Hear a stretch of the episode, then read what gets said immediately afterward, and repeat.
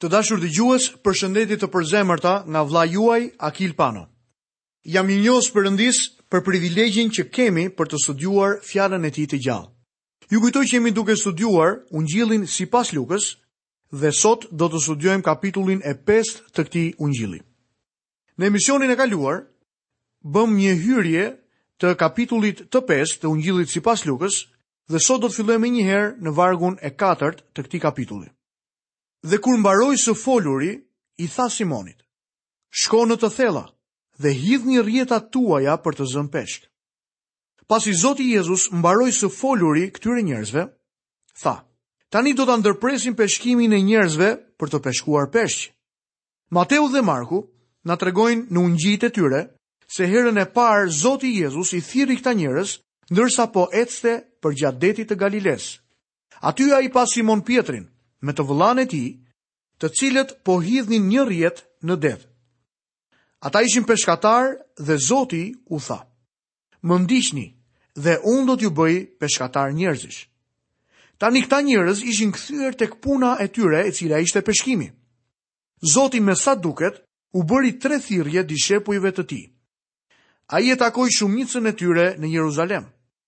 Gjoni na tregon për këtë te kapitulli i parë. Kur Gjon Pagëzori dëshmoi për Jezusin, disa nga dishepujt e tij donin të dinin ku banonte Jezusi. Bashkë me ata që ndoqën Gjonin ishte edhe Filipi, Natanaeli, Simon Pjetri dhe Andrea. Zoti nuk i thirri këta njerëz që të ishin dishepuj në atë kohë, Ai vetëm sa i takoi ata.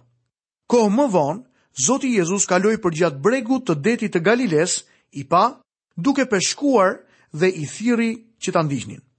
Ata i lanë rrjetat dhe e ndoqën. Tani shohim që ata i janë kthyer sërish biznesit të peshkimit. Më vonë, ungjilltari Luka do të na tregojë se Zoti ynë i thirri ata dhe një herë për të peshkuar njerëz dhe në atë kohë ai i bëri ata apostuj. Ndërkohë që Zoti Jezus i kishte folur turmës nga varka e Simon Pjetrit, ky i fundit po rrinte ulur dhe po e dëgjonte. Kur Jezusi mbaroi së foluri, i tha Simonit, Shko në të thella, dhe hidhi rrjetat e tua poshtë. Ti ndalove së peshkuari me mua, tani unë do të peshkoj me ty. Lexojmë në vargun e pestë të kapitullit të pestë të Ungjillit sipas Lukës. Dhe Simoni duke u përgjigjur i tha: Mësues, u munduam gjithë natën dhe nuk zumë asgjë. Por për fjalën tënde do ta hedh rrjetën. Pjesa e fjalisë, por për fjalën tënde do ta hedh rrjetën, na tregon se Simon Pjetri kishte paraqitur një argument.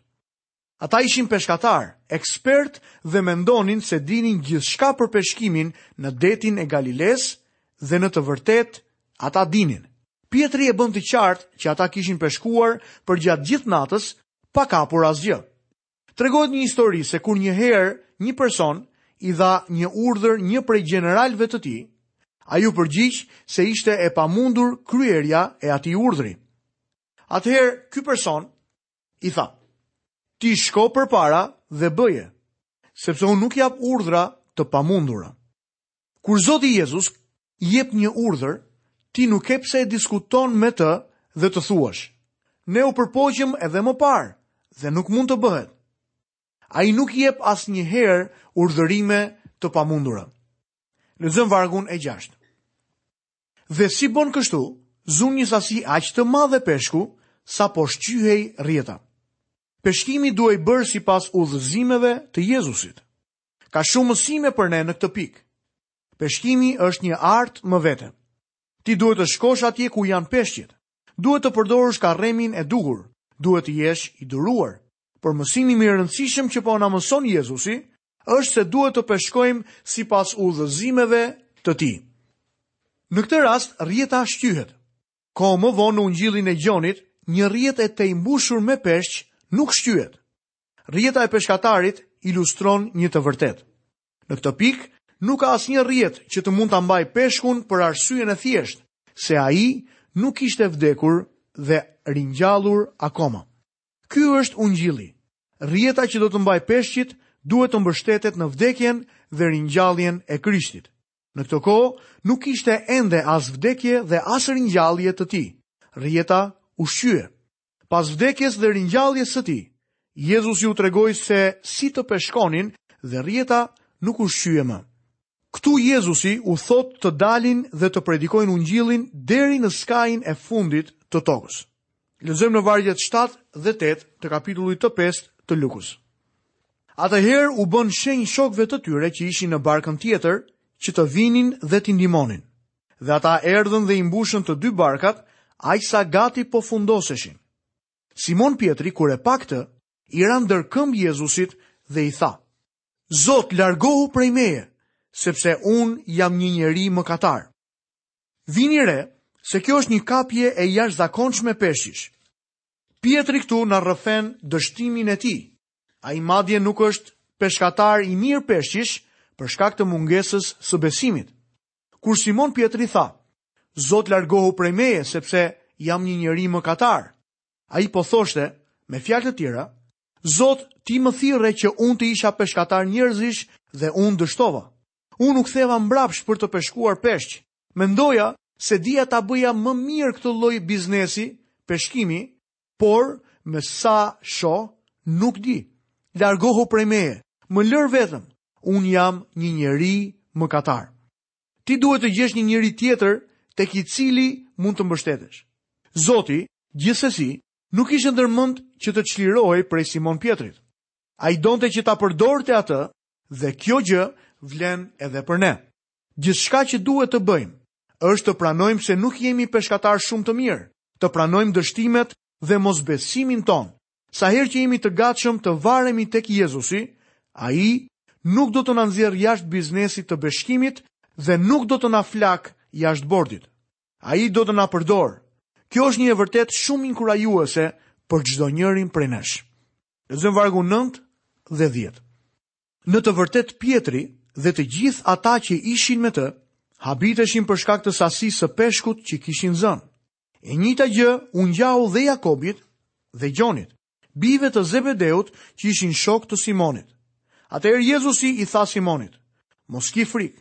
Tash e tutje ti do të jesh peshkatar njerëzish të gjallë." Simon Pjetri peshkoi njerëz. Kujtoni se çfarë bëri ai në ditën e Pentakostit. Përgjigjja e Zotit ndaj Pjetrit ishte shumë domethënëse. 3000 shpirtra erdhën te Krishti pas predikimit të parë të Pjetrit. Pjetri po peshkonte sipas udhëzimeve të Zotit. Këtu kemi edhe një mësim tjetër. A e dini se ekziston edhe një peshkatar tjetër? A e dini se Satani është gjithashtu peshkatar? Apostulli Pal na e tregon këtë tek letra e dytë drejtuar Timoteut në kapitullin e dytë dhe vargun e 26, ku ai thotë: Dhe të vijnë në vete, duke shpëtuar nga laku i djallit që i ka zënë robër të vullnetit të tij. Satani ka hedhur grepin e tij në ujë gjithashtu. Perëndia po peshkon për shpirtin tënd, por në të njëjtën kohë edhe Satani po peshkon për shpirtin tënd, me anë të grepit që ai ka si karrem, dhe ky karrem janë gjërat e botës. Ti mund të thuash që grepi i Zotit është një kryq. Biri i Perëndisë vdiq mbi atë kryq për ty. Ky është mesazhi i Zotit për jetën tënde. Meqenëse ra fjala, Çfarë grepi ke gëlltitur ti sot? Ti ose je në grepin e Zotit, ose në atë të Satanit. Ose të ka Zoti, ose djalli. Nuk ka peshkatar të tretë. Lexojmë në vargjet 12 dhe 13. Ndodhi që ndërsa Jezusi ndodhej në një nga ato qytete, erdhi një njeri i mbushur plot me lebër, i cili kur e pa Jezusin, ra me fytyrë përdhe dhe iu lut duke thënë, Zot, po të duash, ti mund të më pastrosh. Atëherë ai e zgjati dorën, e preku duke thënë, Po, e dua, qofsh i pastruar. Dhe menjëherë lebra iu zhduk. Në vargjet 12 dhe 13, gjejmë historinë e shërimit të një lebrozi. Luka ishte një doktor i mirë, ai kuptoi një ndërlikim psikologjik në shërimin e kësaj lebre, gjë që nuk ishte shumë e kuptueshme në atë kohë. Nuk na thuhet se si e zbuloi ky njeri se kishte lebër, por mund të ketë ndodhur në këtë mënyrë. Një ditë, pasi u kthye nga puna, i tha gruas, Kam një plagë të vogël në pëllëmbën e dorës sime. Më shqetëson kur jam duke punuar tokën. A mund t'i vësh ndonjë ilaç dhe të ma mbështjellësh? Gruaja me shumë mundësi ia lidhi dorën, por ditën tjetër plaga ishte edhe më keq. Në pak ditë, ata të dy u alarmuan. Gruaja i tha, duhet të shkosh tek prifti. Atëherë burri shkoi tek prifti i cili e izoloi atë për 14 ditë. Kur doli nga izolimi, prifti e vëzhgoi me vëmendje dhe pa se lebra ishte përhapur. Prifti e shpalli lebroz. Njeriu me zemër të thyer i tha, Të lutem më lejo të shkoj te gruaja dhe fëmijët e mi për t'u thënë atyre lamtumirën. Por prifti i është përgjigjur, Nuk mund t'u thuash lamtumirë. Ti nuk do të jesh në gjendje kurrë më të përqafosh gruan tënde të dashur. Kurrë nuk do të mundësh të marrësh në krah fëmijët e tu të çmuar. Njeriu u largua i vetmuar. Familja i sillte bukë në një vend të caktuar dhe kur largoheshin, ai vinte për ta marrë. në largësi mund të shquante gruan dhe të vëzhgonte fëmijët e tij, të cilët rriteshin nga dita në ditë. Pastaj një ditë, Zoti Jezus kaloi në ato anë. Lebrozi shpalli, Zot, nëse ti do, ti mund të më shërosh. Mbreti i mbretërve iu përgjigj. Po, dua, shërohu. Por vini re se si e shëroi Zoti. Ai vendosi duart e tij mbi këtë njeri me lebër. Ky njeri i varfër nuk kishte ndjerë prekjen e askujt për vite të tëra. A mund ta imagjinoni se çfarë ka ndjerë ai kur prekja e dorës së Krishtit ishte mbi të? A e ka prekur Zoti Jezus jetën tënde? Ka kaq shumë jetë që ka nevojë për prekjen e tij. Nëse ti je i tij dhe po peshkon nën udhëzimet e tij, jam i sigurt se mund të arrish dikë për Zotin. Ti duhet të zgjatësh dorën tënde dhe të prekësh shpirtrat të cilët vetëm ti mund t'i prekësh për Jezusin sot. Le të lexojmë më poshtë nga vargjet shtatëmbëdhjetë deri në vargun e njëzet. Një ditë ndodhi që ndërsa Jezusi po mësonte, ishin të pranishëm ulur disa farisenj dhe mësues të ligjit që kishin ardhur nga të gjitha fshatrat e Galilesë, të Judesë dhe nga Jeruzalemi. dhe fuqia e Zotit ishte me të, që të kryente shërime. Dhe ja, disa njerëz po sillnin mbi një vig një njeri të paralizuar dhe kërkonin ta fusnin brenda dhe ta vinin përpara tij. Por duke mos gjetur se si ta fusnin brenda për shkak të turmës, hipën mbi çatinë e shtëpisë dhe lëshuan nëpërmjet tjegullave me gjithë vig midis njerëzve përpara Jezusit. Dhe ai duke parë besimin e tyre, i tha atij, njeri, mëkatet e tua të janë falur. Kjo është ndodhia e të paralizuarit në Kapernaum, i cili u shërua. Disa miq të këtij njeriu e lëshuan nga çatia në mënyrë që Zoti Jezus ta shihte atë. Si tek Ungjilli i Mateut dhe në Ungjillin e Markut, shohim të regjistruar këtë ngjarje. Marku na jep tregimin më të gjatë, edhe pse ai është ungjilli më i shkurtër. Zoti e shëroi këtë njeri për shkak se këta katër njerëz e sollën atë në prezencën e tij, ku njeriu i varfër të mund të dëgjonte. Jezusi i tha, Njeri, mëkatet e tua të janë falur. Ishte një fjalë e mrekullueshme për të. Ka shumë njerëz që nuk do ta pranonin mesazhin e shpëtimit derisa ti të ngresh një cep të barrelës së tyre dhe t'i çosh në vendin ku të mund të dëgjojnë fjalën e Zotit. Ata janë të paralizuar, të bllokuar nga mëkati dhe prej shumë gjërash të tjera të kësaj bote. Disa janë të paralizuar nga paragjykimet dhe të tjerë nga indiferenca e tyre.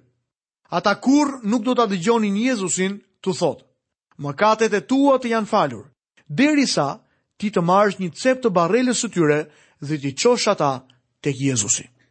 Të gjitha këto ngjarje zbulojnë faktin se Zoti Jezu Krisht dëshiron që ne të shpërndajmë mesazhin e shpëtimit tek të tjerët. Kjo është arsyeja pse unë predikoj fjalën e Zotit. Mbani mend se një njeri nuk mund ta mbartë vetëm barrelën e tij. Duheshin katër vetë për të mbartur barrelën e të paralizuarit. Sot nevojiten shumë burra dhe gra për ta çuar fjalën e Zotit tek personat që kanë nevojë për të. Lexojmë nga vargjet 27 deri në vargun e 28. Dhe mbas këtyre gjërave, ai doli dhe pa një tagrambledhës që quhej Levi, dhe rrinte në vendin e tatimeve dhe i tha: Ndiqmë. Dhe ai i la të gjitha, u ngrit dhe e ndoqi. Mateu na jep më shumë informacion për këtë në Ungjillin e tij. Marku jep pak më tepër detaje, ndërsa Luka e ndan këtë më tepër. Lexojmë vargun e 29. Pastaj Levi i përgatiti në shtëpinë e tij një gosti të madhe dhe një numër i madh tagrambledhësish dhe të tjerë rrinin në tryezë bashkë me të. Kjo gosti u bë nga Levi si një rrugë për të fituar njerëz për Zotin Jezu Krisht. Levi nuk ishte trajnuar më parë në seminare teologjike. Ai ishte tagrambledhës dhe me shumë mundësi mashtrues. Kur erdhi tek Zoti Jezus, ai bëri çfarë mundi. Levi ishte një pronar pijetoreje, shumë i pasur, kështu që shtroi një darkë dhe ftoi të gjithë miqtë e tij mashtrues në mënyrë që të takoheshin me Jezu Krishtin. Skribët dhe farisenjtë që ndodheshin aty, po kalonin një kohë të vështirë në mbajtjen e gojës së tyre mbyllur, por më në fund erdhën tek ai. Lexojmë te kapitulli 5 i Ungjillit sipas Lukës, vargun e 30. Por skribët dhe farisenjtë e atij vendi murmurisnin kundër dishepujve të Jezusit, duke thënë: Përse hani dhe pini bashkë me tagrambledhës dhe mëkatarë? Skribët dhe farisenjtë i kritikuan me një pyetje dhe Zoti Jezus kishte bërë gati një përgjigje të mirë për ta. Zoti ynë i mbrojti njerëzit e tij. Lexojmë më poshtë vargjet tridhjetë e një dhe tridhjetë e dy. Dhe Jezusi duke u përgjigjur u tha: Nuk janë të shëndoshët ata që kanë nevojë për mjek, por të sëmurët. Unë nuk erdha t'i thërras të pendohen të drejtit, por mëkatarët. Skribët dhe farisenjtë i pyetën dishepujt pse hanin së bashku me tagrambledhësit dhe mëkatarët. Përgjigja e Zotit ishte e thjeshtë dhe e mrekullueshme. Jezusi ishte mjeku i madh dhe nuk shkoi anembanë duke shëruar njerëz të cilët ishin mirë me shëndet. Ai erdhi t'u shërbente atyre që ishin të sëmurë me mëkatin. Ungjilli është i vërtetë për ata që pranojnë nevojën e tyre. Ka njerëz që mendojnë se janë aq shumë të mirë saqë nuk kanë nevojë për shpëtim. Ata nuk janë në dijeni të nevojës së tyre të madhe. Nëse e pranon që ke një nevojë, atëherë ungjilli i Zotit Jezus është për ty. Krishti mund dhe do të të shpëtojë. Nëse je i pavarur, nuk e pranon nevojën tënde personale dhe ecën në rrugën e zgjedhur nga vetja jote, do të përfundosh patjetër në shkatërrim.